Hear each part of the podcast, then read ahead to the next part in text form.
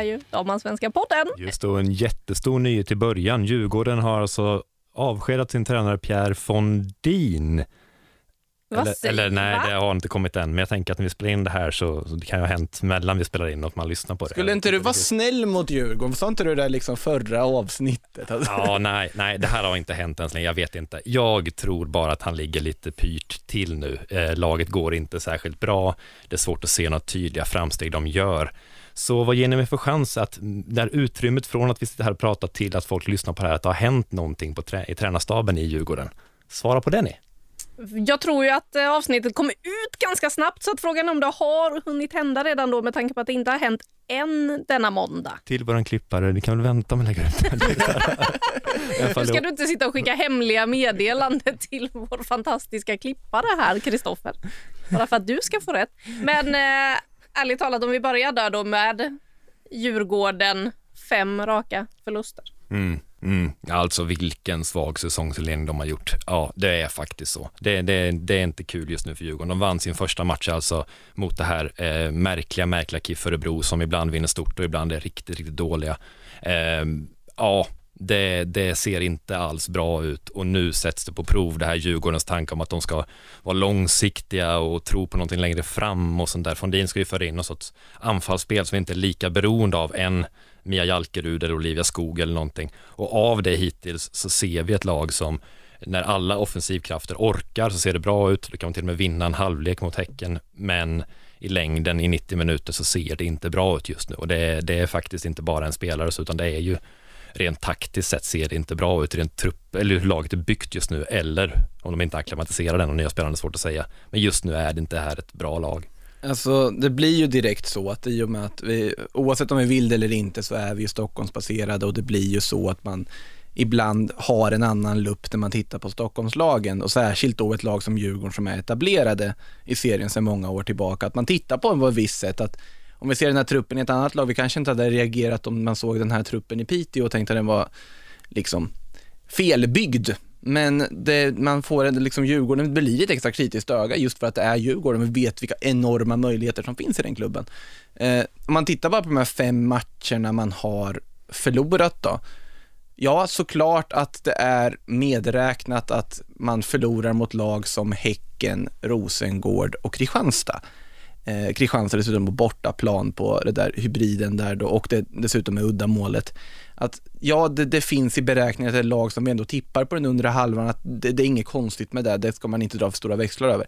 Däremot, två raka derbyförluster mot två nykomlingar. Ja, såklart det fanns vissa spelmässiga aspekter i matchen. Det här var ju liksom situationer som avgjorde AIK-matchen till viss del, att man också släppte in AIK i den matchen. Man hade mycket spel mot Hammarby och visar positiva tendenser, många spelare individuellt som gör det. Men oavsett hur man analyserar och tittar på det så är fem förluster i rad för dåligt. Oavsett vilka liksom, anledningar som finns till förlusterna. Och det konstiga här är att det känns ändå som att det är väldigt mycket spelare här som tar kliv. Jag tycker till exempel en spelare som Linda Motlalo har ju tycker jag höjt sig några snäpp den här säsongen. Jag tycker hon har varit otroligt bra stundtals i matcher. Elisabeth Addo har vi sett, nu har hon gjort sitt första mål, vi har sett det liksom, jag så vet jag såg det på hennes första träning, att det är en spelare som har väldigt höga kvaliteter. Hailey Dowd, mardröm för varenda försvar att möta med den rivigheten och målsinnet och så vidare. Men det funkar ju inte. Det funkar inte som lag, det funkar inte i lägen där man, till exempel nu i derbyt mot Hammarby här, tar tillbaka, liksom kommer tillbaka i matchen två gånger om mot ett Hammarby som har tappat matcher två gånger om dessförinnan, men man lyckas ändå inte få med sig en enda pinne. Det börjar bli ett väldigt, väldigt kritiskt läge där och sen på grundfrågan om Pierre Fondin har sparkats när vi spelar in där, nej det tror jag inte. Jag tror att eh, sportchefer och liksom sportliga ledningar jobbar även på söndagar.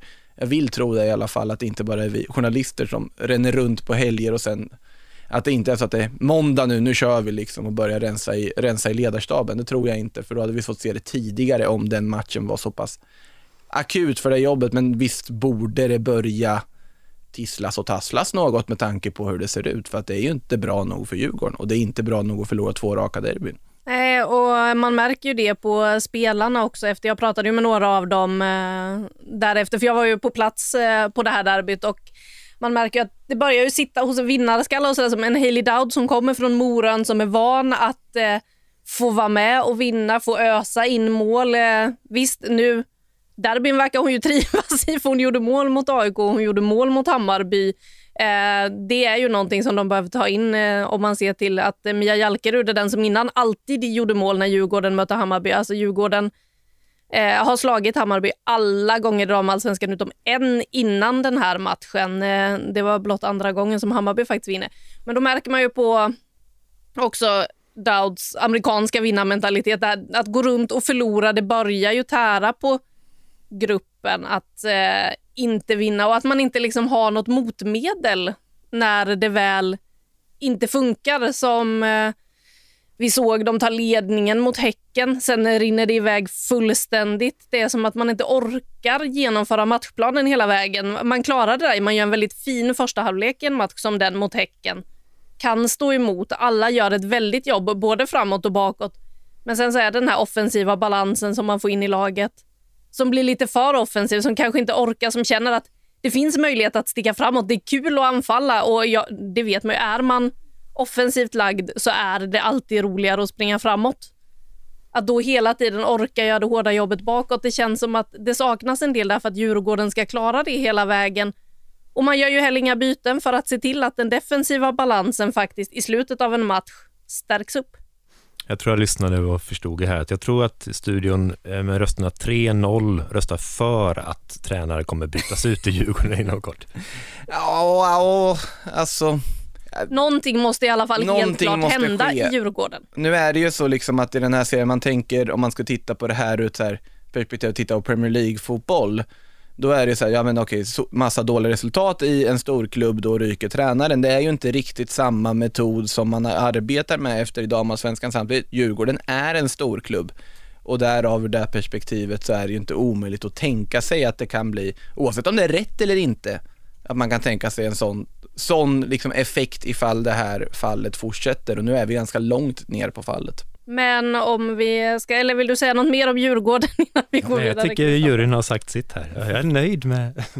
Du, du är nöjd med omröstningen. Om vi tar eh, det andra laget där då i den matchen, om vi bara håller oss kvar lite där Hammarby eh, lyckas då vinna en match igen eh, efter att ha tappat poäng i slutet de senaste matcherna. Där det ju också har svidit något enormt för Hammarby. Man har ju märkt att det har blivit som förluster för dem. Även om man får med sig en poäng så är det två tappade poäng på slutet. Och man alltså det såg man ju också när Djurgården gör mål eller när Hammarby har gjort mål så är det väldigt defensivt. Man blir direkt så här, okej okay, nu måste vi hålla i den här poängen istället för att liksom fortsätta spelet framåt, att våga anfalla. Man kommer av sig lite, man blir väldigt att okej okay, vi måste hålla i våra tre poäng och så kommer så I första halvlek hade de ju knappt blinka innan Djurgården hade kvitterat. I andra halvlek tar det lite längre tid men man märker ju där liksom hur de vill slå vakt och också lyckas. Alltså Emma Jansson i tårar efter matchen, tvåmålsskytten. Så mycket betydde det att äntligen få vinna, dessutom i ett derby inför lite fans. Man märker ju då också på hur mycket det har tärt på just det där att de backar hem, för det var ju det de inte gjorde mot AIK. Mot AIK körde de ju bara vidare när de hade 2-1, liksom ledningen det, det såg länge ut att bli 3-1 och sen så dyker Rosa Kafaji upp omarkerad och petar in 2-2. Mot Eskilstuna var det ju en bild där Hammarby kanske inte tilläts driva vidare. Det, sen kan det ju mycket väl vara så att de också slog vakt där, bara att man tolkade det som ett Eskilstuna som tog över matchbilden, men där det också blev ett väldigt sent 1 mål. Så det är ju helt uppenbart att man då i huvudet går ner och ändå försvarar. Man vill inte släppa in, absolut inte i ett derby heller, släppa in den kvitteringen igen efter dessutom släppt två kvitteringar dessförinnan under matchen. Ehm, men det här, alltså om det var tre blytunga poäng som Djurgården förlorade var det ju tre blytunga poäng som Hammarby vann om inte annat. För det här var ju på något sätt, alltså vad ska man säga, alltså skiljemåttet därför hur vi definierar den här liksom premiärvåren de har haft i allsvenskan. Ja, de har varit en frisk fläkt och en nykomling som hittills liksom uppfyllt förväntningar som folk har haft sett till hur de spelar. Men poängtapp här mot Djurgården, då hade det liksom rent poängmässigt känts, ja men är det så bra? Nu kan vi konstatera att jo, Hammarby har gjort mer än man kan vänta sig av dem sen de har kommit upp tillbaka till allsvenskan. Det här var på något sätt en gräns man kunde sätta där. De har haft fyra poäng totalt i två derbyn. De har spelat bra fotboll, de har pressat topplag. Ja, Rosengård pressar de väl inte jättemycket, men där, det är svårt att pressa Rosengård överhuvudtaget, känns det som också. Så att vi kan nu på något sätt konstatera att ja, det här har varit en väldigt lyckad vår för Hammarby. Punkt. Lite så. Och det, bara det är ju viktigt och sen den pressen de har haft. Att ja, såklart det är kul att vara hypade, det har alla sagt, men det innebär en enorm press när det står Ja, nu vet jag inte om det var 200 pers på liksom eh, promenadstråket där ovanför arenan, men vad det nu än var, att de människorna, ja de stöttar Hammarby i vått och torrt, men de lever ju också ut efter där de får in. De hör ju om hur spännande det här laget är. De ser hur spännande det här laget är. Det innebär en press. Det är en rejäl press och en press för nykomling också på det här sättet.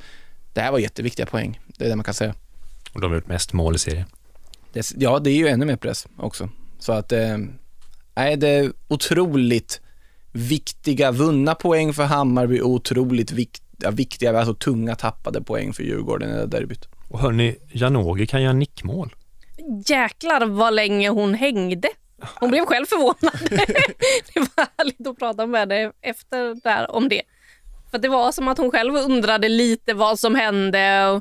Hon säger ju att allting är Emilia Larssons förtjänst. Det är hon som slår frisparken eh, som träffar perfekt. Men alltså, Janogys nickmål är ju fint. Ja, det är väldigt bra gjort. Jag blev förvånad faktiskt. Jag tänkte inte att det var så hon skulle göra sina mål. Nej, det, det, måste man i och för sig lägga upp här nu, en liten sak som kan, kan vara lite kontroversiell att ta upp. Spännande. Borde Emilia Larsson vara första person på fasta situationer i Hammarby?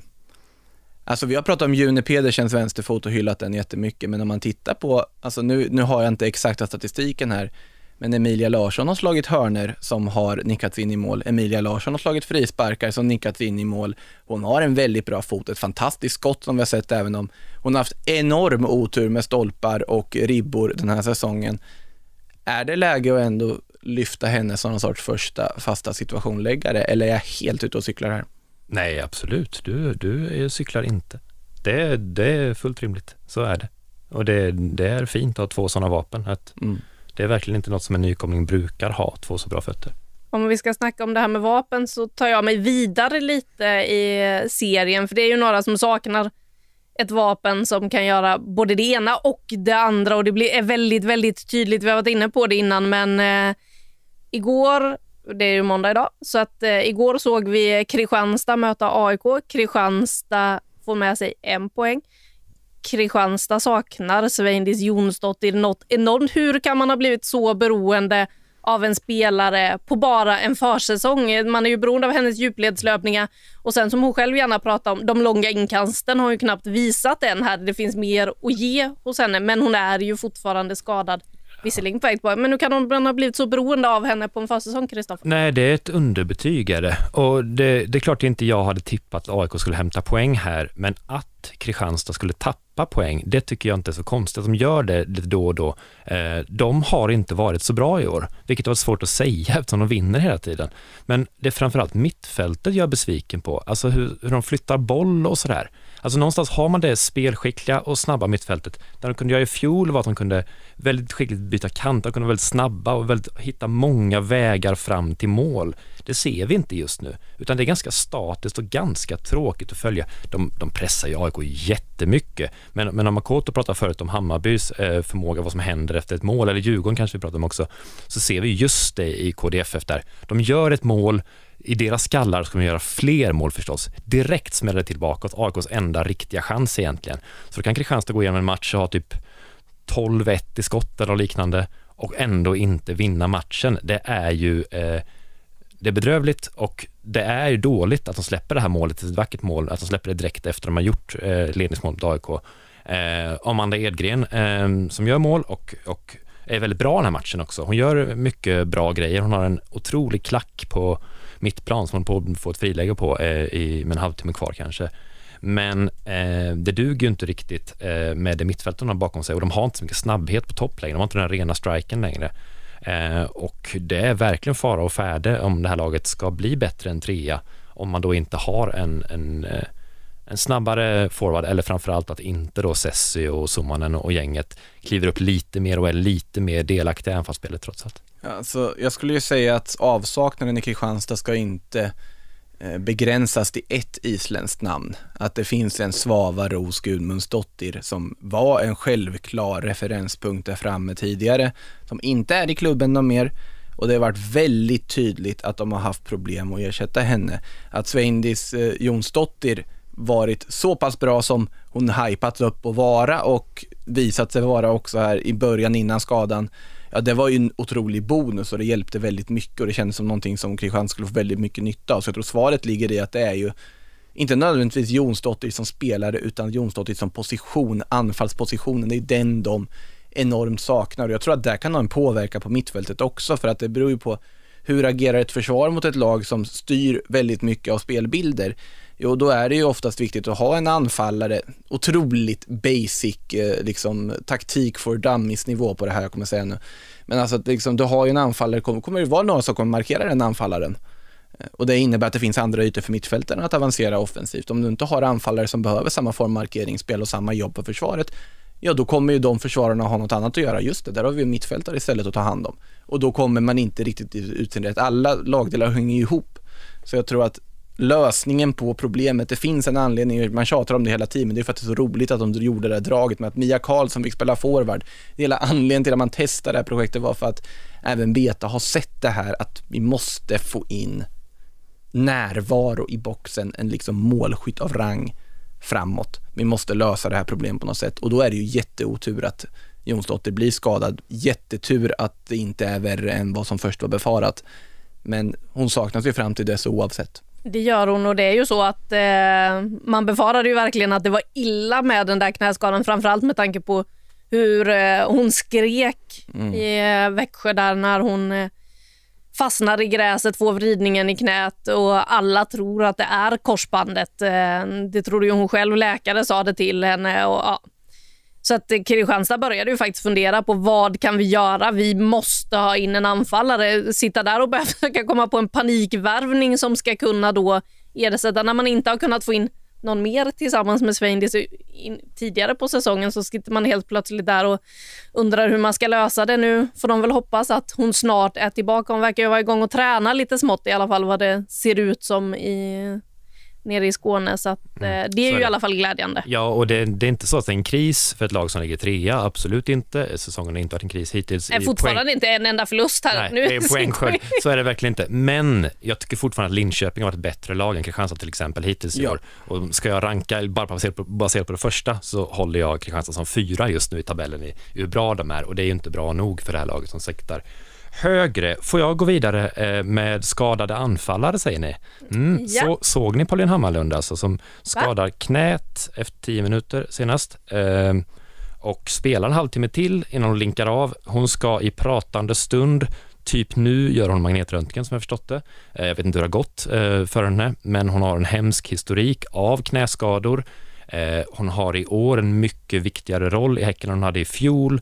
Där fanns Rebecka Blomqvist också. Eh, Blackstenius går på vatten just nu, ja, men bakom henne finns inte alls samma kreativitet och inte alls samma målfarlighet.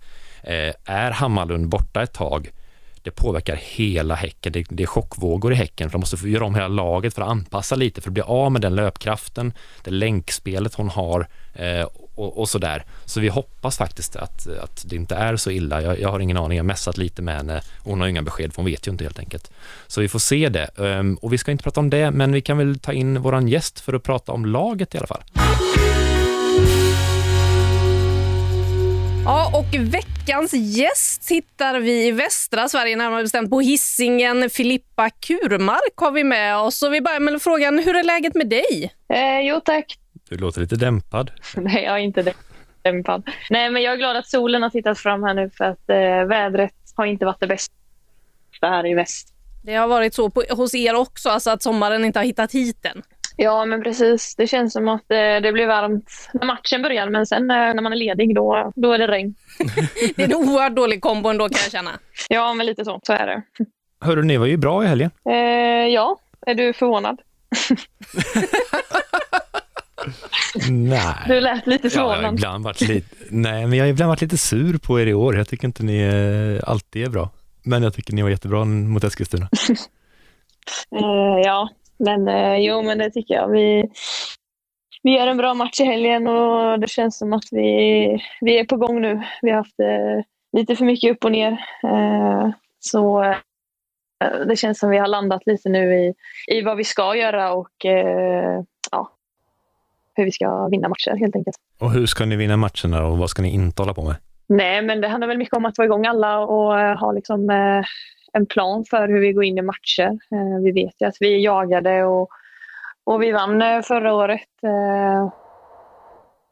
Och det är klart att motståndarna läser på oss lite extra. Sen får man ju också tänka att vi, vi är ju inte samma lag i år som vi var förra året och inte samma klubb heller för den delen. Men, men det gäller att liksom, eh, hitta nya verktyg också och kunna eh, såra våra motståndare på andra sätt och, och vara steget före där. Eh, tror jag är viktigt. Jag måste fråga här, jag har suttit här på ett liksom utifrån perspektiv här och funderat över er liksom formrad under säsongen och kommit till någon sorts slutsats att det där cupguldet inte bara var viktigt för att få en titel utan även för att få, få in ny tro i laget och sånt. Håller du med om den analysen? Ja, men det, det håller jag med om. Eh, som jag sa, vi började försäsongen otroligt bra och dundrade in mål efter mål. Eh, och gick väl kanske lite för bra för att vara sant. Eh, och vi fick väl kanske lite dyständning där med att vi blev Häcken och, och det. Eh, men eh, ja, Du, känns det knäppt, alltså ni ligger två i serien, ändå så är vi lite så här, snackar lite så här, ja vad är det som går fel för er egentligen? Känns det konstigt att det är den förväntningen på er nu? Nej, men det är väl klart att man ska ha krav på oss och vi har krav på varandra. Och vi, vi vill ju alltid ligga och Samtidigt, det har gått sex omgångar, det är mycket som kan hända. Och det, det blir väl alltid så att man, eh, folk förväntar sig eh, mycket av oss och det, det ska de göra också. Mm, så, så ja, men det är svårt att dra någon slutsats nu utan det är klart att vi, vi kan bättre än så här, det är klart. Du är en av fyra spelare i laget som har spelat varje minut. Vilka är de andra tre? Eh, ja, det är väl eh, min kollega på mitten, Ippe, eh, och sen eh, Kullberg, eh, Stina, kan jag tro. Snyggt. Alla rätt där. Ja, bra koll. Det får man ge dig. Men du, eh, ni är ju i en ny sits i år också med, som kliva in i serien som regerande mästare. Hur är det att vara den som är jagad istället för att vara de som jagar? Eh, ja, det är klart att det är lite annorlunda. Eh, samtidigt så tror jag inte att vi känner att vi är mer jagade än något annat lag. Utan, eh, det, är, det är nog ingenting vi går och tänker på. Det är väl mer att vi vet att vi ska vara där uppe i toppen. Och, och Det är väl det man blir påmind av när man liksom åker på en eh, förlust. Då är, det liksom, eh, då är allt skit tydligen. Eh, Så det, det är liksom, man förlorar matcher, det gör alla lag. Och, och sen är det väl hur man hanterar förlusten och hur man tar sig vidare därifrån skulle jag säga. Det sitter tre lökar i en studio i Stockholm och är sura på er när ni spelar ganska bra. På. Ja, eller hur? Du, det var en intressant tycker jag. Hela... Eller hur? Bara kasta skit på oss. Kanske. Du, eh, det är ändå intressant att se. Alltså i fjol, i fjol så var ni jätte, jätte, jättebra. Mm. Men så var det, eh, till exempel när ni torskade den matchen, den Rosengård-matchen ni torskade, där saknades i laget någon sorts reaktion. Ni släpper ett mål och två mål och så hände inte så jävla mycket, utan ni liksom bara nästan spelar av den förlusten. Eh, så ser det inte Mm. riktigt ut i år, ni har inte haft den toppmatchen än. Så där. Har ni snackat om det, hur man liksom, när matchplanen, plan A inte funkar, hur man vänder och kommer liksom, får en nytändning i en match? Nej, det är väl mer lite psykiskt spel det där tror jag. Eh, hur man hanterar pressen och, stressen när man till exempel ligger under med ett mål. Vi hamnade i den situationen nu mot Djurgården. Och Sen har vi väl haft en liten grej att vi har bytt i fyrback från treback eh, och kunnat eh, liksom på något sätt ändra matchbilden eh, på så sätt. Eh, Så det är väl lite så vi har jobbat eh, med vårt spelsystem mer tror jag. Hur är det att kunna göra den förändringen? För den blir ju också väldigt tydlig för alla runt omkring att ni ändrar från en trebacks till en fyrbacks, att ni signalerar att det händer någonting. Eh, jo, men det är väl klart att det är en styrka och också en trygghet till att liksom kunna gå ner och, och spela en fyrback. Eh, vi har ju spelat treback hela förra året och, och det gick ju väldigt bra. Eh, samtidigt så har vi lite andra spelartyper i år och lite andra backar. Eh, så det är väl klart att det är bra att vi kan eh, laborera lite med vårt spelsätt. Alltså det här med trebackslinjen, vi har ju diskuterat det ganska mycket här i den här podden. Jag förmodar att ni kanske inte lyssnar efter, ni har tappat poäng i och med att vi är just tre lökar i en studio som bara kastar skit.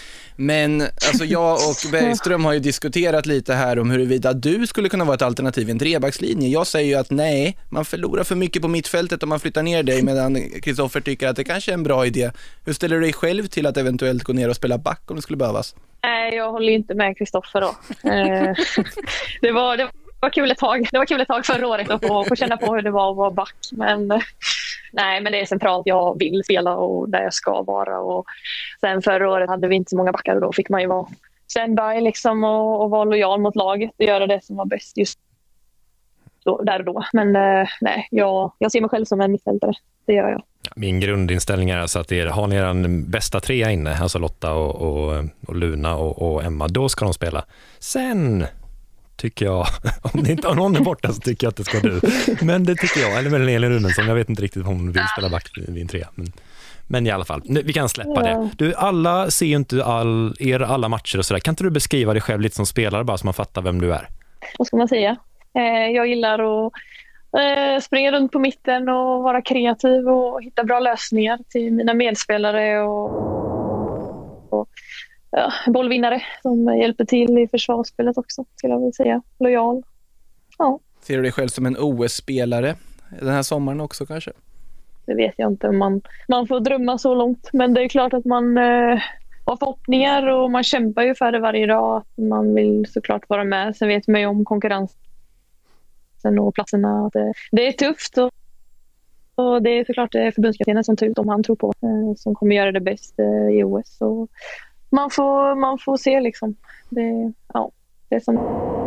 Du, vi, vi, ah, förlåt. Vi, vi spår en galen silly season nu i sommar. Att eh, köpkraften utomlands mm. ökar. Eh, man kommer plocka rätt mycket damallsvenska spelare, tror vi. Eh, kan du lova här och nu att du stannar kvar? uh, jag kan inte lova någonting, nej. men uh, nej. Uh, nej, jag vill inte lova någonting.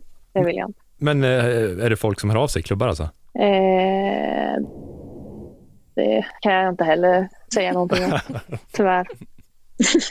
inte i podden. Kanske om vi ses kan jag viska något kanske. Skitbra. Det kommer en sån skum artikel med anonyma källor. Sportbladets uppgifter. ja, ja, ja. Du, nu är det ju två matcher kvar här innan det blir ett litet landslagsuppehåll. Vad ser du framför dig de två matcherna som väntar eh, för er del? Ni har ju KIF Örebro och Eh, Piteå innan det är dags för nästa landslagsuppehåll. Eh, ja, nej men det är klart att det är sex poäng som, som gäller där för att, eh, eh, för att gå på lite ledighet med en bra känsla. Eh, eh men också hänga med i toppen såklart. Mm, sen ska vi tillbaka till, till Vallhalla eh, mot eh, Piteå eftersom de ska lägga om Bravida här. Så det, det kommer också bli en lite annorlunda känsla att komma tillbaka dit men det kanske också kommer kännas lite som att komma hem. Eh, man har ju ändå bra minnen därifrån. Så, nej, men det är klart att vi, vi går efter att vinna båda matcherna. Är klart. Du får hälsa de där råttorna man hört finns springer runt där. Hälsa från oss. Ja, just det, Mickey Mouse. Ja, eh, ja men det ska, jag vet inte om de lever fortfarande, men de kanske ligger i någon smällare där uppe på vinden. det Det låter som det blir ett kärt återseende. Ja, jag får låta hem några och frysa in om jag får ha lite mat efter hösten. Det låter skitbra. Jag skojar. Men, men du, KIF Örebro, det är ju ett jävla rövargäng nu. De är ju jättesvårlästa. De släpper ju fem bollar ibland och så blandar de skitbra. Är inte det jobbigt att möta dem i det här läget? Eh, jo, men de, eh, ja, de gjorde väl fyra mål här sist. Eh, så de, är klart det är ett lag med självförtroende också. Och lite eh, nya spelare. Eh, så det, eh, det blir en svår nöt att knäcka. Men eh, vi ska se till att göra vår grej så hoppas jag att det leder fram till tre poäng. Du, vi har fascinerats av Stena Blackstenius, att hon är så himla bra i år. Inte bara mål hon gör, utan hon skapar väldigt mycket. Du får berätta någonting om henne. Är det någonting, eh, berätta något hemligt om henne. Har hon en särskild eh, ny lindning av foten eller en särskild eh, lyckosymbol hon har köpt? Eller vad är det här? Ja, du, jag vet inte. Hon kanske trivs bra i, i nya klubben och hon kanske får bra mat på GPA som hon gillar. Hon får extra energi. Nej, jag vet vet inte. Hon, hon har varit fantastisk nu i början av säsongen och man gläds åt henne att, att det har lossnat så bra. Och, eh, ja, det är jättekul att, att ha henne i laget. Och, eh, nej, men jag ser fram emot att se fler matcher och att hon kommer göra ännu mer mål för oss och vara viktig. Så, eh, väldigt glad för hennes skull och för lagets skull såklart. För som det ser ut just nu så känns det som att bara ni skickar upp bollen till Stina Blackstenius så är det en stekhet målchans direkt. Hon behöver ju som sagt inte göra målet själv. Det kan vara som så att det tar via någon annan men i mål går den. Ja, nej, men hon löste ju assist och mål på egen hand nästan också. Så det, hon är stekhet just nu. Så eh, nej, men det, det är bra. Jag är glad. Men du då, ska inte du bomba in ett skott snart? Jag brukar ju lägga ett mål där per säsong. Igår blev, eller igår, förra året blev det väl två där. Så eh, jag siktar på tre år. Jag har ju några matcher kvar och, och vässa den målformen. Eh, men jag ska se till att göra något mål i alla fall, det hoppas jag. Du, eh, Rosengård bara vinner och vinner och vinner. Säg någonting negativt om deras spel. Om, eh, jag säger, om Cankovic skulle försvinna så försvinner ungefär 50 procent, om inte mer, av deras anfallsspel. Eh, jag tycker att hon ligger till grunden för allting egentligen med, med allt eh, kreativt och det känns som att hon gör mycket på egen hand och skapar mycket på egen hand. Medan vi i Häcken kanske skapar lite mer situationer ihop. Eh, så jag tror att eh, det blir svårt för dem att, att eh, behålla henne Mm. länge till. Men så tappar ni Justina i sommar så att det blir tufft för er också. Nej, Stina kommer jag hålla kvar. Men du kunde ju inte lova att du var kvar. Nej, men jag får hålla, hålla ihop med henne då så får vi väl båda gå i så fall. nej, men Nej, jag hoppas att hon, eh, hon blir, jag hoppas hon blir kvar. Det, det hoppas jag verkligen. Det hoppas vi också. Vi vill se henne i den här formen hela säsongen och eh, ser fram emot att se er också framöver. Du, tack så hemskt mycket för att du hade tid att vara med här en liten stund. Ja, Vi hörs, efter själva. ditt, vi hörs efter ditt mål mot KIF Örebro. Ja, just det. Bra. Skitbra. Ha det Ingen fint. press. Hej. Hej då. Ja, så säger alltså Filippa Kurmark. Och hörni, jag slänger in en eh, lyssnarfråga för jag efterlyste lite på sociala medier och sådär. Har du fått något på din fax förresten? Det kommer väldigt lite och ingen knackar på hos mig heller. Talgoxevägen 18 knackar på om ni har frågor. Jag kan besvara på Har dem. du tittat med kikan efter röksignalen? Nej, det har jag inte Nej. gjort i och för sig. Det, det kan vara det som eh, Men ta en fråga. till det. Men David här undrar ju nu då, vi var ju inne på det lite med eh, Pippo här. OS, är Blackstenius given i OS-truppen och hur många allsvenska spelare kommer med? Alltså Blackstenius är ju given, det, det tycker jag sett i formen. Det har jag svårt att se annat. Sen är det ju den här Anvegård situationen som man ju får titta på. Hon är ju precis tillbaka liksom från skada. Det är en uppstartsträcka. Hon har haft en jättejobbig försäsong utan att kunna spela. Om hon är i form, då är hon också en OS-spelare. Men det är hon ju inte riktigt än. Eh, och ur det här perspektivet, med tanke på den här OS, är Blackstenius borde vara given. Annars, ja då är det bara att börja räkna då. Ja, Caroline Seger, given. Nilla Ja. Fischer, given just nu skulle jag också säga utan tvekan. Eh, både på att Linda Sembrant då dessvärre missar mästerskapet på grund av skada men också på grund av hur ofantligt bra Nilla Fischer har varit under den här säsongsinledningen. Eh, ja hon var ju given innan Sembrant skada och känns ännu mer självskriven. ja, eh, det, men det är ju varit seriens bästa back. Ja, och säsongen. såg ni henne mot Vittsjö nu? Alltså, alltså vad är, Klara Markstedt såg henne definitivt, Ja, eller Mark- kände åtminstone. ja, en av de buffligaste, hårdaste spelarna vi har blir liksom sönderbufflad två gånger om av, av Fischer och måste byta sen. Eh, Fischer är enorm just nu. Vad, vad är det här? Ja, men det är otroligt imponerande måste jag säga, det, det hon gör. Eh, så att hon är ju given såklart. Sen har inte jag räknat, alltså Falk är väl med också? Falk är given, Falk ja, Borde vara given, ja. borde väl vara given. Det är ju två målvaktsplatser kan vi ju säga här för de som inte har stenkoll på den lilla OS-truppen som det ju är i ett sånt här sammanhang. Man får alltså bara ta ut två målvakter i själva truppen, sen får man ha en som är reserv. Så att det är ju Hedvig Lindahl fortfarande given som första målvakt. Om inget ställer till det, det har ju varit så de senaste uttagningarna. känns som att i sista stund så kommer det någonting och så är Hedvig inte med. Men det hoppas vi såklart att vi får ha med första målvakten. Ja. Men Falk borde väl vara den som får Det känns Mm. kanske lite hårt att säga given med respekt till Cecilia Musovic också. Det hade inte varit konstigt heller om man väljer henne heller, utan det är ganska hugget som stucket. Men det känns ju som att det kan bli Falk sett till hur trupperna sett ut tidigare och speltid och så vidare. Ja, det är ju hon som har fått stå de senaste gångerna Exakt. i Lindahls frånvaro. Så att Falk räknar vi in, då är vi uppe i fyra. Nathalie Björn, fem. Om hon är helt tillbaka. Men Men nu du, fick hon 45 minuter senast. Jo, men jag, jag tycker alltså det, i en sån trupp på 18 spelare, då är ju Nathalie Björn precis den typ av spelare du vill ha med, som kan hantera alla roller i backlinjen, kan gå upp på mittfältet och spela otroligt underskattad teknisk nivå på Nathalie Björn måste jag säga också, som kanske inte lyfts fram så ofta. Jag tycker det är en eh, otroligt bra spelare, så att i min trupp är hon given, om hon är frisk, men det kanske inte är i andras. Hon är absolut given i min också så länge hon är frisk. Men det är ju just den där detaljen. Den lilla, lilla detaljen. är det någonting Gerhardsson har tryckt på i samband med det här så är det ju förmågan att kunna spela på fler positioner eftersom du inte kan ha dubbla på alla. Men vi skriver in Björn här också då. Då är vi uppe på fem. Filippa Allsvenska Angeldal. Ja, men det här är ju så svårt för det är en tajt trupp och sen är det här att åka med halvskadade spelare till mästerskap som VM 2015 typ, det var inte Gerhardsson, men i alla fall att det går inte och OS går absolut inte det. Så att jag, alltså när vi kommer till Anvegård och Björn och sådana spelare, ja, alltså de kommer ju vara friska, men jag, de måste verkligen vara internationellt redo för 90 minuter och jag, mm, mm, ja, Det blir tuffa, tajta matcher. ja. Mm, det är Inte mycket vila mellan. Mm. Varmt och jävligt blir det också. Varmt och mycket trivsamt säger jag. jag. Jag ser det på ett annat sätt när det är just i Japan. Jag har inte räknat på truppen, så har vi fått ett svar kanske vi kan gå vidare. Eller vill Eh, du? jag skulle väl säga att slänga in en absolut given till också efter den här starten på allsvenskan i Olivia Skog. Du Hon ser, känns- du ser Skog som helt given också i truppen. Med tanke på hur det har sett ut inledningsvis, så ja. Jag hade Janogy själv i truppen jag tog ut innan. Men där kan vi säga att vi har, en, ju vi har en given allsvensk spelare i och med att oavsett om det är Skog eller Janogy så blir det ju en allsvensk. Så vi kan ju räkna en av dem som en spelare oavsett om det är. Så en sådär sju, åtta allsvenska spelare har vi landat in i just nu. Men det kommer ju ett landslagsuppehåll eh, om bara några veckor. Eh, vi får väl se lite hur den truppen ser ut och vad folk gör där. Och så kan vi väl kanske ge våra trupper efter det uppehållet. Kristoffer, då kommer du också tvingas ta ut den så du inte bara kan sitta och säga jag vet inte, jag har inte tagit ut den. Det är så svårt. Va- Var det där min röst det här med det? Ja, exakt men- så låter det. Det lät ganska, alltså rätt tyckte jag.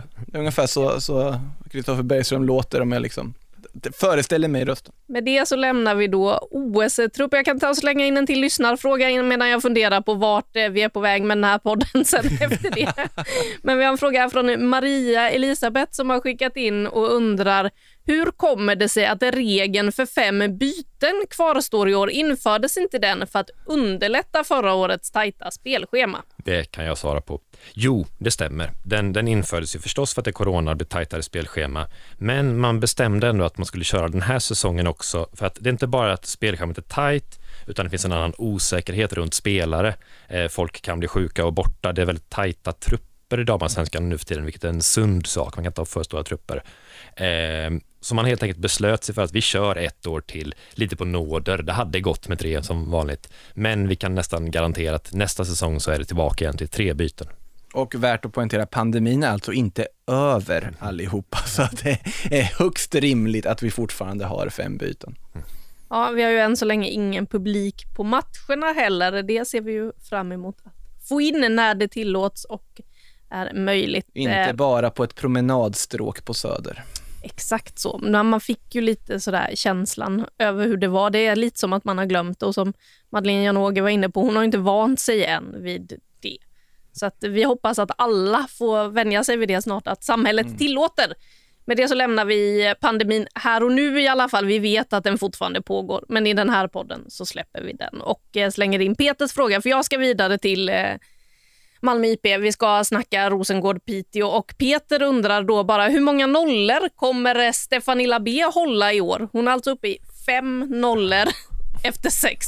Ändå omgångar. snackar vi inte så mycket om henne. Det var nästan som att jag skohornade in henne i veckans elva sistens för att hon plockade lite inlägg och var, ja, hon var aktiv, men, men i alla fall. Ja, då hälsade du att målvakterna behöver steppa upp och Ja. så fick Labé åka in för den sakens skull. Men hon har alltså hållit fem nollor hittills i år. Ja, och hur många höll Falk i fjol? Blev det 14? 14 nollor i Ja. fjol. Det känns som att veckans elva är en väldigt, alltså den, det blir inte helt korrekt på målvaktsfronten när man ska liksom ranka vilken målvakt har bä- bäst i serien. För det, det vet jag att man har själv tagit ut den också att man dras ju till den här underdogen som man får stå och rädda skott efter skott efter skott. Man, man dras till att dra in Milla Maj Majasar i elvan efter att hon har liksom räddat en poäng åt AIK snarare än än till exempel då Labé som gör sitt i en match de förväntas vinna och håller en nolla, vilket i sig är minst lika imponerande. Men eh, som målvakt, då ska du nog spela i en underdog om du är med i veckans elva. Det känns ändå som att vi omedvetet drar in dem. Ja, och ska man se till Labé så har ju inte alla gånger haft så jättemycket att göra heller så att eh, Så, knappt ens behövt göra det hon har betalt för i alla matcher. så är det. Men för att svara på frågan så, eh, så tangerar hon Falk och tar 14 nollor också. Det blir 14 alltså, exakt. Yes, yes, jag har kollat spelschemat och sånt där och det, det blev 14. Snabbt räknat. Japp. Ja, då har vi svarat på den frågan och då ska vi fortsätta prata målvakt. och just det där att då istället stå för underdogen. Vi hade ju med Piteås målvakt Guro Pettersen förra veckan. Då hade hon gjort ett drömmål från halva plan. Nu gjorde hon lite mer det som man ska göra som målvakt, nämligen rädda Saker.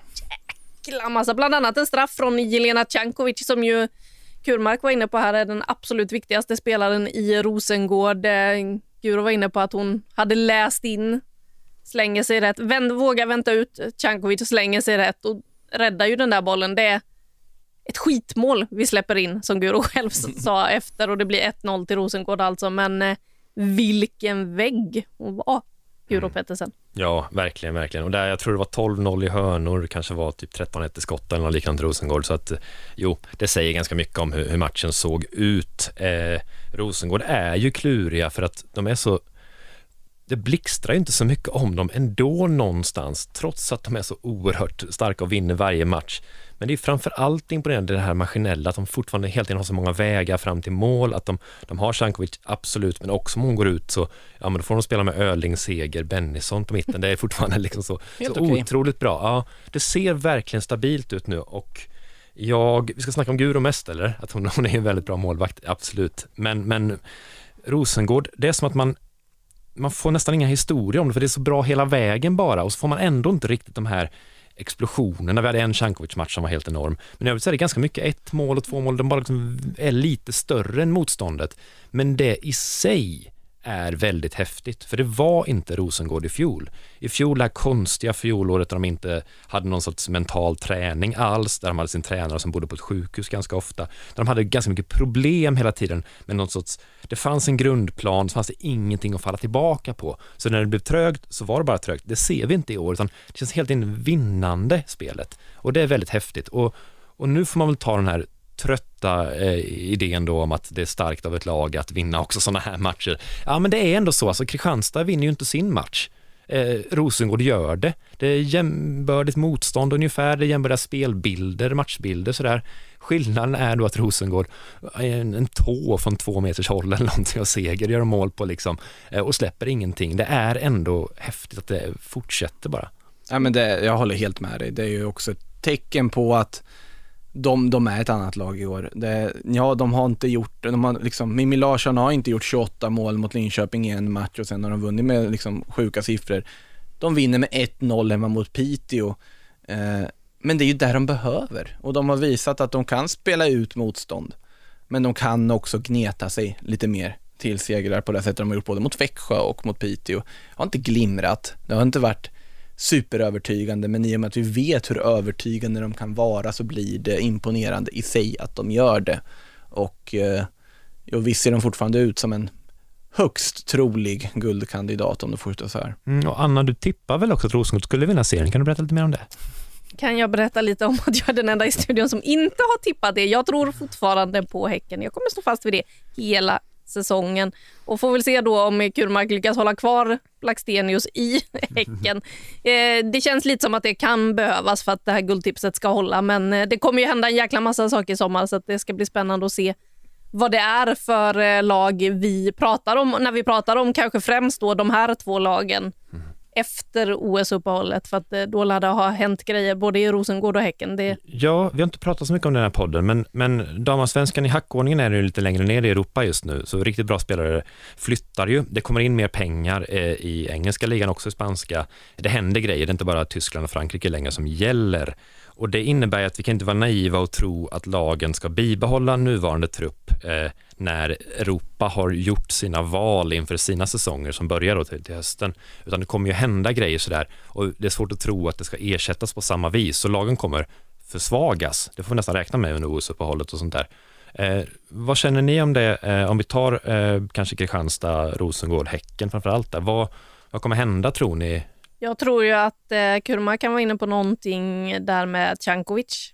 Det är ju en spelare som verkligen har utmärkt sig så här långt Mm. i serien som eh, borde vilja ut i större klubbar i Europa och skulle göra det riktigt bra i större klubbar i Europa. Så att Cankovic borde kunna vara en av dem som har lämnat. Jag är inte förvånad om Kurmark blir av med sin eh, mittfältskompis Filippa Angeldal. Mm. Man blir väl inte förvånad om, eh, nu, nu vet vi ju ingenting än, men eh, det är väl inte förvånad om det inte bara är mittfältskompisen utan personen själv också ändå. Alltså sett i kvalitet, alltså om man tittar utomlands, det är ju också ett intressant läge eh, när det har blivit någon sorts pedestal liksom i toppen av världsfotbollen som många lag kan ta.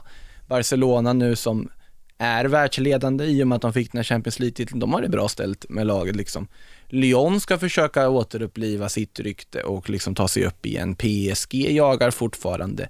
Du har Real Madrid och Atletico Madrid som har, Atletico har väl hållit på lite längre såklart än vad nystartade Real Madrid har gjort, men de ska ju bygga lag som ska spela Champions League och utmana Barcelona. Du har i England massa lag, Manchester United, Liverpool, Arsenal, City. Det, det, det är inga små klubbar vi pratar Tottenham vill väl liksom vara med i leken också och satsa på sitt. Så att det är många lag som behöver bygga i trupper och förbättra kvaliteten rakt igenom. Och då tänker man, ja, vart kan man hitta kvalitet för en rimlig peng där det kan vara intressant för spelare att gå? Och svenska ligan är väl ganska högt rankad ändå med spelare som spelar på den absolut högsta nivån med bevis på att de här spelarna håller en nivå som är liksom, och de är lätta klimatiserade och så vidare. Jag tror att det är väldigt många som kommer att dra i väldigt många spelare och det kommer ju vara klubbar av dignitet som är väldigt svåra att tacka nej till. Det är en sak, absolut, ja, men säg att det är någon spelare i Rosengård och som, ja men nu håller vi på att vinna SM-guld, det är kul. Sen kommer Real Madrid och säger hej, du kan bli liksom Real Madrid-spelare och ha det på ditt CV. Vem tackar nej då? Nej. Och två saker man kan säga om det här är att eh, övergångssummorna är jättelåga fortfarande i damallsvenskan till utlandet. Eh, vår kollega skrev om Magdalena Eriksson som gick för typ 40 000 eller något liknande. Eh, det är några år sedan nu. Klubbarna jobbar på längre kontrakt men det är en ganska lång sak att ändra på. För att, att skriva långa kontrakt det kostar ju pengar helt enkelt och klubbarna ligger redan nu på marginalen så att det är det tufft liksom att få betalt för sina spelare. Och det som är mer modernt och som gäller just nu det är att klubbar lite mer tittar på att värva två, tre spelare ihop. Små, små kluster av spelare istället, för då får man liksom en liten tydligare eh, spelare som direkt akklimatiserar sig lite tydligare och sånt. Och det är lite av en trend det här som man tror sig kommer kunna se nu i sommar också. Och det är ju aktuellt framförallt i Rosengård skulle jag säga där. Alltså där Hanna Bennison eh, ryktas bort. Eh, men kanske att man, kanske inte bara hon, det kanske blir ett gruppköp, två, tre spelare, alltså en Nathalie Björn till exempel, som har varit rykten om där till exempel, alltså att om man vill ha lite mer på en gång, för då får man ett paket på något annat vis. Och det skulle ju åderlåta klubbarna ännu mer om det här får hända, att tänka tre Ja, det är spelare. inte kul. Nej, det, det är väldigt, då är det ett helt annat lag plötsligt så här och jag tycker verkligen att Rosengård är sunt byggt som truppen ser ut nu. Eh, att Bennison inte spelar mer än hon gör, det, det kan man snacka en del om, men att det är också för att, det, för att Ria Öling är en jättebra fotbollsspelare. Cankovic och Seger det går ju inte att rubba på liksom överhuvudtaget. Och Trölsgård som egentligen ska vara på mitten, hon är uppe på forwardsplats liksom sådär. Så att det finns ganska mycket där, men, men inget lag kan bygga en trupp som klarar av att tappa tre spelare på ett bräde. Nej, och inte så här om, säg att då någon klubb i, eh, ja men säg engelska Super League skulle säga, ja men nu köper vi Bennison, Björn och, ja, men kan vi få Mimmi Larsson på köpet också? Så vi, liksom, och då får de där tre stycken spelare. Det är ju inte som att Rosengård kan gå till nästa steg i näringskedjan och säga vi vill ha de här tre spelarna. Det är ju Växjö Utan de alltid, måste- brukar man- för. Ja, vi, ska ha liksom, ja, Allanen, Signeholt och Pennsäter på ett bräde, bara exempel. Det går ju inte att göra på det sättet för det funkar ju inte på samma vis. De måste ju starta tre separata rekryteringsprocesser i och med att det är ju längst upp i näringskedjan du kan göra sånt. Den statusen som toppklubbarna i damallsvenskan har i näringskedjan, där kan du inte bara plocka en hel grupp av spelare från en klubb. Däremot är det intressanta här att det är, lär ju vara ganska mycket inom damallsvenskan man tittar då. Så att den här effekten om Rosengård och Häcken måste ersätta halva startelver, vilka är det som kommer få ta smällen? Växjö, KIF Örebro, Vittsjö, eh, Piteå. Det är de klubbarna som lär kunna få ta en smäll förutsatt att folk vill flytta under sommaren.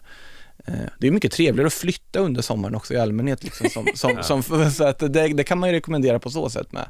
Och, Är det det du känner efter den här helgen? Ja, lite så att det, det är skönt med sol, så att det, istället för att det är kallt. Så. Men, eh, ja, men säg till exempel Växjö, att om du har någon spelare där som vet att ah, det går inte så bra just nu, liksom att om Rosengård knackar på dörren och säger flytta ner hit till soliga Skåne och spela med oss och vinna ett SM-guld. Klart du tackar ja där. Och det är ju det här som är näringskedjan i fotboll, att om någonting händer på toppen av alltihopa så kommer det sippra ner och ge effekter på väldigt låga nivåer. Och sen är det ju när Växjö då ska ersätta de spelare som försvunnit, så ringer de Mora ner Elitettan eller någon annan klubb och säger hej, nu ska vi ha de här. Oj, jag får spela damallsvenskan. Och så vidare och så vidare. Så att, eh, ja, där har ni det. Det, det är svårt att komma undan att det måste till längre kontrakt. Vi måste bryta en kultur och, och där är ju inte jag som säger det, är klubbarna själva som säger förstås. Men det, det borde gjorts för länge sedan. Eh, det är svårt, men det måste faktiskt till. Eh, vi har inte pratat om Häcken, jag menar tänk om Stina vill utomlands nu. nu. Nu tror jag att hon vill bo i Göteborg, men jag menar tänk om hon sticker nu då och, och Pallo skada, eh, om den tyvärr är lite jobbig. Eh, ja men då är det, det är ett nytt lag igen alltså, så mycket kan de inte tappa på topp. Tänk om Emma Kullberg ska utomlands. Alltså tänk, den trean hon har, hon är ju en stor ledaren i försvaret. Hon får inte nog med beröm, eh, det är för att vi klagar på laget ibland. Eh, hon är ju helt, helt central i det laget. Alltså det, det är ett läske den här sommaren tycker jag. Jag tycker inte, jag ser inte an den med, med glädje. Jag tycker mest det är lite kusligt faktiskt. Therese Sjögran var ju inne på det i Champions League-sändningen där att eh, hon lär få jobba. De kommer behöva förstärka för det blir ju också viktigt för lagen att försöka ta tillvara på chansen att slå sig in i det nya Champions League-formatet för att få in mer pengar. Och Vill göra något gulligt och rart eh, och stötta i klubb så köp en sån powerbank till sportcheferna som får ladda upp mobilerna hela tiden för att det kommer vara väldigt, väldigt mycket samtal. Vi köper en extra mobil. Ja, det var tipsen. Jag ska eh, avsluta snacket om den här matchen där jag började den med eh, Guro. Ja, hon var det. Ja just det, vi var där en, en gång i tiden. Ja, eh, hon eh, gjorde ju inte bara fantastiska räddningar, hon fick ju en del smällar också. Eh, bland, framförallt två var det väl som man reagerade på, de blir liggande en stund. Eh, först så är det Mimmi Larsson i första halvlek som kommer i full fart. Mimmi Larsson-style, hon ger ju sig aldrig. Eh, finns det ett mål där framme, då ska Mimmi Larsson dit, det vet vi ju. Eh, den här gången stod Guro Pettersen lite i vägen och fick sig en smäll. Eh, den var helt okej. Eh, det var värre i andra halvlek med Sanne Trölsgård som kom in från sidan så att Guro var inte ens beredd på att eh, Sanne Trölsgård kom med all sin kraft. Eh, blev flygande. Men hon hälsar att eh, kroppen den känns ganska bra nu. Hon påminner igår om att jag är ju lite gammal så att det känns när man får de här smällarna. Men eh, Påminn mig nu, hur gammal är hon? eh, 29. Åh nej. Åh nej, det, ja, så, det är det där som anses gammalt nu. Ja, då känns det i kroppen när man har blivit överkörd av Trölsgård Jag och måste Mimmi börja Larsson. titta över mina pensionsbesparingar känner jag nu när vi sitter. Det bör du genast göra, det känner jag. Och jag har ju fått väldigt mycket mejl om att jag kritiserade 17 maj. Hon var alltså gäst i förra veckan och eh, skulle ha ett 17 maj-firande i Piteå. Då, då sa jag att eh, 17 maj är ganska dålig som högtid för att man har inte nog med schemapunkter om man äter glass och man äter korv bara. Eh, detta fick jag kritik för och jag gick tillbaka till källan som är, en, är min svenska eh, kollega i, som bor i Norge. Eh, och, och jo, han sa att jag hade kryddat hans påstående lite, men det är ändå sant. Det som händer 17 maj är att man går upp tidigt, tjejerna har en bonad som heter för 30 000 spänn och killen har kostym och så dricker man champagne och så går man en marsch och så äter man en korv eller en glass. Sen är klockan 12.30 och det finns ingen schemapunkt kvar där. Då måste norrmännen införa någon form av brasa klockan 18 eller någonting mer, för du kan inte festa från morgon och sen bara gå och inte äta någonting på hela dagen och sen förväntas festa hela kvällen också. Norrmännen måste skärpa sig och det här får ni fan inte klippa bort för det här är väldigt viktigt det jag säger nu. Men här nu när vi ändå är inne på det här så måste jag faktiskt ifrågasätta en norsk tradition och det är russetid. Alltså deras student, de, de hyr alltså eller liksom skaffar stora skåpbilar för att sätta sig i dem och så sitter de och festar i de här små liksom vagnarna en hel, liksom flera veckor. Alltså, varför vill Jag du sitta har- i en liten vagn och göra det? Jag förstår Jag har det mer inte. kritiserat, jag vill kritisera pinnekött. Ja, nu blev det här alltså. Men mest av allt, skaffa er en schemapunkt. Kolla på midsommar. Man plockar blommor, man äter lunch, sen dansar man och sen festar man. 17 man har ju missförstått. Man kan inte festa och sen gå en promenad, sen äta en glass och en korv och sen bara har man 10 timmar fri tid. Det är helt fel. Hur ska du fira 6 juni? Eh, med alla schemapunkter som finns. det är ju först den här Silla-dragningen och sen är det...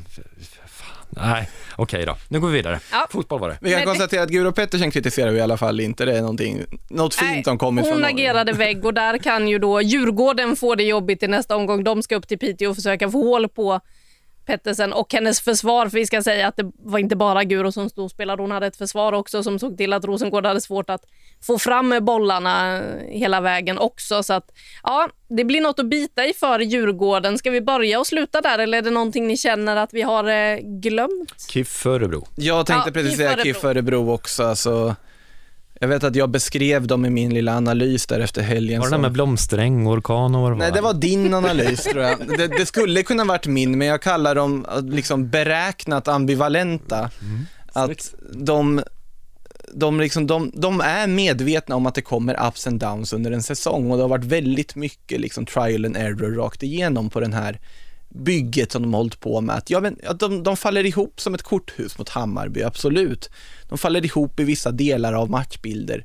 Men det är på något sätt en del av planen. Man blir inte orolig för dem för man ser hur mycket tanke det finns bakom det de gör.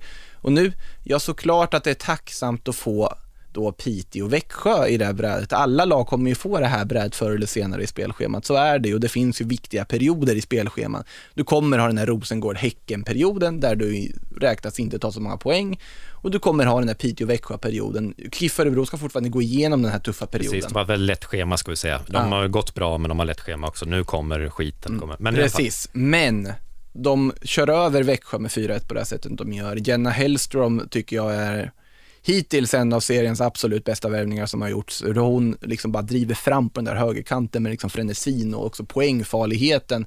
Man förstår varför hon blev uttagen i Kanadas landslag. Fascinerande nog som ytterback fick hon spela när hon var på landslagssamlingen. Otroligt oklart varför hon gjorde det. Eh, men, eh, och sen Karin Lundin märker man ju också när hon kommer in nu, liksom frisk, hade lite skadebekymmer, hur viktig hon är med den där målskyttet och den där närvaron centralt, den som man alltid tjatar om, den närvaron centralt, den som en, man är som en repad CD-skiva på det, hur mycket man tjatar om i varje klubb, att du måste ha någon på topp som gör målen, men det gäller ju verkligen, det ser vi ju Karin Lundin. Ja, de väntar ju fortfarande på Heidi Kollanen, sin, sin skadade stjärna eh, och Lundin har också varit skadad och ändå har alltså funkat, vilket är förvånansvärt. Och de ändrade lite, lite i spel efter Eskilstuna, de kryssar där, så har de flyttat runt positionerna lite grann eh, för att frigöra lite för forwarden och då för att ge Jenna lite större eh, spelrum och det ser vi att de tar väldigt mycket. Hon gör ett plus ett senast nu då och hon är ju, ja som du säger, eh, seriens bästa högrytter. Ja, och sen eh, Nathalie Off Persson får man inte glömma heller. Eh, som man har inte pratat om jätteofta kanske, men hon är ju typ aldrig dålig. Alltså det finns ju ingen match hon är dålig känns det som. Eh, så att jag är väldigt, väldigt imponerad av KIF Örebro. Vi landade där ändå till slut idag. Vi gjorde det. Jag tror jag varit imponerad av annat på vägen dit också. AIK ska väl också sägas, Hanna Davison tillbaka och då plötsligt bara tar man en poäng mot självaste Kristianstad. Det, då funkade försvaret väldigt mycket bättre. Så Ja. att även den lilla teorin vi kastade ur oss här fick ju bäring under helgen. och Eskilstuna ser ju fortfarande skitdåligt ut på många sätt, men de går in i lättare spelschema nu. Det kan faktiskt svänga så att när, de här, när vi vänder serien så har de mer poäng än typ Örebro. Det kan faktiskt vara så fortfarande. Så det är fortfarande en tabell som är lite ung. Ja, Jag blir ju inte klok på liksom Eskilstuna, för det finns så mycket positiva tendenser. Och sen så ibland så kan det ändå kännas som att de är så långt bort från poäng så att eh, oklart, men just nu är de ju inte där de vill vara tabellmässigt i alla fall. Nej, och de förlorar med 3-0. Gud, nu klämmer vi in massa saker. Så här är det, de förlorar med 3-0 mot Häcken. Det är fortfarande så att det står 1-0 till Häcken. Då har Loreta Kulashi ett helt öppet nickläge. Hon ska sätta den egentligen. Hon missar, nickar ner i marken och i famnen på Falk. Spelet vänder och det är 2-0 och det är slut på matchen. Eh, riktigt så illa var det inte faktiskt mot Häcken som, som 3-0 antyder. Eh, det var ändå, det fanns tendenser till någonting. De hade hög press som ändå gav någonting. Men så är det ju Häcken, det är ju fel lag liksom att ha en halvbra tendens i kanske. Mm. Och ge bort två mål. Mm. Två självmål. Ja, absolut. Så, så var det ju. Ja, vill ni klämma in något mer? Jag, jag, ja, men du då? Det Kläm finns något mer då? Hur orolig är du för Växjö? Ja, men den här veckan eh, har jag inte funderat så mycket på dem. Jag såg inte så mycket av eh, matchen. Jag har bara kollat highlights från KIF Örebro-Växjö. Så att eh, Växjö de kan få vila en vecka och så ska jag kika på dem nästa vecka och se hur de mår. Men de har gjort ett spelmål nu va? Det var väl ett spelmål? Vilken grej. Emmy Allan en tvåmålsskytt totalt på säsongen? Ja, absolut.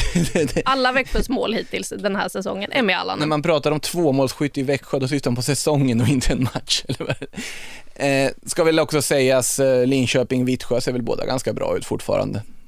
Ändå, rakt igenom. Mm. Linköping ser svinstarka ut. Jag vill inte träffa på dem ute på en fotbollsplan. Nej, precis. Fråga Klara Markstedt hur det känns. Ja, men lite så. Vi hoppas ju också att eh, knäskadan där inte är någon fara. Den ska vi undersöka. Hon är ju också en spelare som har haft problem med mm. knäna precis som eh, Hammarlund som vi har varit inne på redan. Så att, eh, ja, sånt där vill man ju inte se. Också det här, båda de två spelarna är, får alltså smällar i typ tolfte minuten båda två. Eh, spelar vidare i ungefär 20 minuter innan man byts ut. Så att, ja, nej, det är oroväckande att det går att spela på en stund men sen håller det liksom inte längre och man får ta till försiktighetsåtgärder som man såklart alltid säger från tränarhåll. Men eh, ja, nej, när det behöver undersökas rejält så känns det ju oroväckande. Vi hoppas att de får jubla likt Kristianstad gjorde när de fick svaret på Jonsdottir att det inte är så farligt med någon av dem. Okej, nu, vänta, nu är podden redan slut nästan. Men kan inte du bara berätta vad som hände med Lisa Klinga också, för det är så himla roligt. Ja, vi ska först också skänka en tanke till eh, Halimatu Ajinde också, när vi pratar om just att gå av med skada. Att hoppas att det kommer goda besked. Du har helt rätt. Lisa Klinga, vad hände med henne senaste matchen? Vi glömde ringa och kolla det. Berätta. Ja, eh, tittar man bara på statistiken så ser man ju att eh, det är ett gult kort i den sjunde minuten. Tittar man på matchen så undrar man verkligen vad är det som händer. Efter en löpning mot eh, Kanu så böjer hon sig helt plötsligt ner och börjar fixa liksom med högerknät. Man ser inte riktigt på tv-bilderna vad det är först. Sen så märker man att okay, hon har lindat det där knät. Får hjälp av eh, Sabrina D'Angelo som egentligen var redo att sätta igång spelet. Hon håller på att börja ta av sig målvaktshandskan och ska hjälpa till och fixa den där tejpen. Domaren kommer och säger att nej men hallå, ni kan ju inte hålla på med det här på planen. Behandling sker utanför plan. Klinga får då gå ut. Då kommer nästa målvakt, tror jag det. Eh, det ser ut så i alla fall på kläderna som är under, för hon är lika vitklädd som D'Angelo. Så det är väl Shannon Lynn som kommer rusande och ska hjälpa Klinga med tejpen, fixa det. Allt det här går på en sådär 30 sekunder när hon väl är av plan. Då är hon ju redo igen. Så jäkla taggad på att komma in. Domaren vinkar in henne, hon kliver på. Då kommer varningen hon glömmer bort reglerna, hon får inte bara springa in på Hon såg ut som, jag hade en hund som hette Dusty som var väldigt så här olydig som höll på med agility.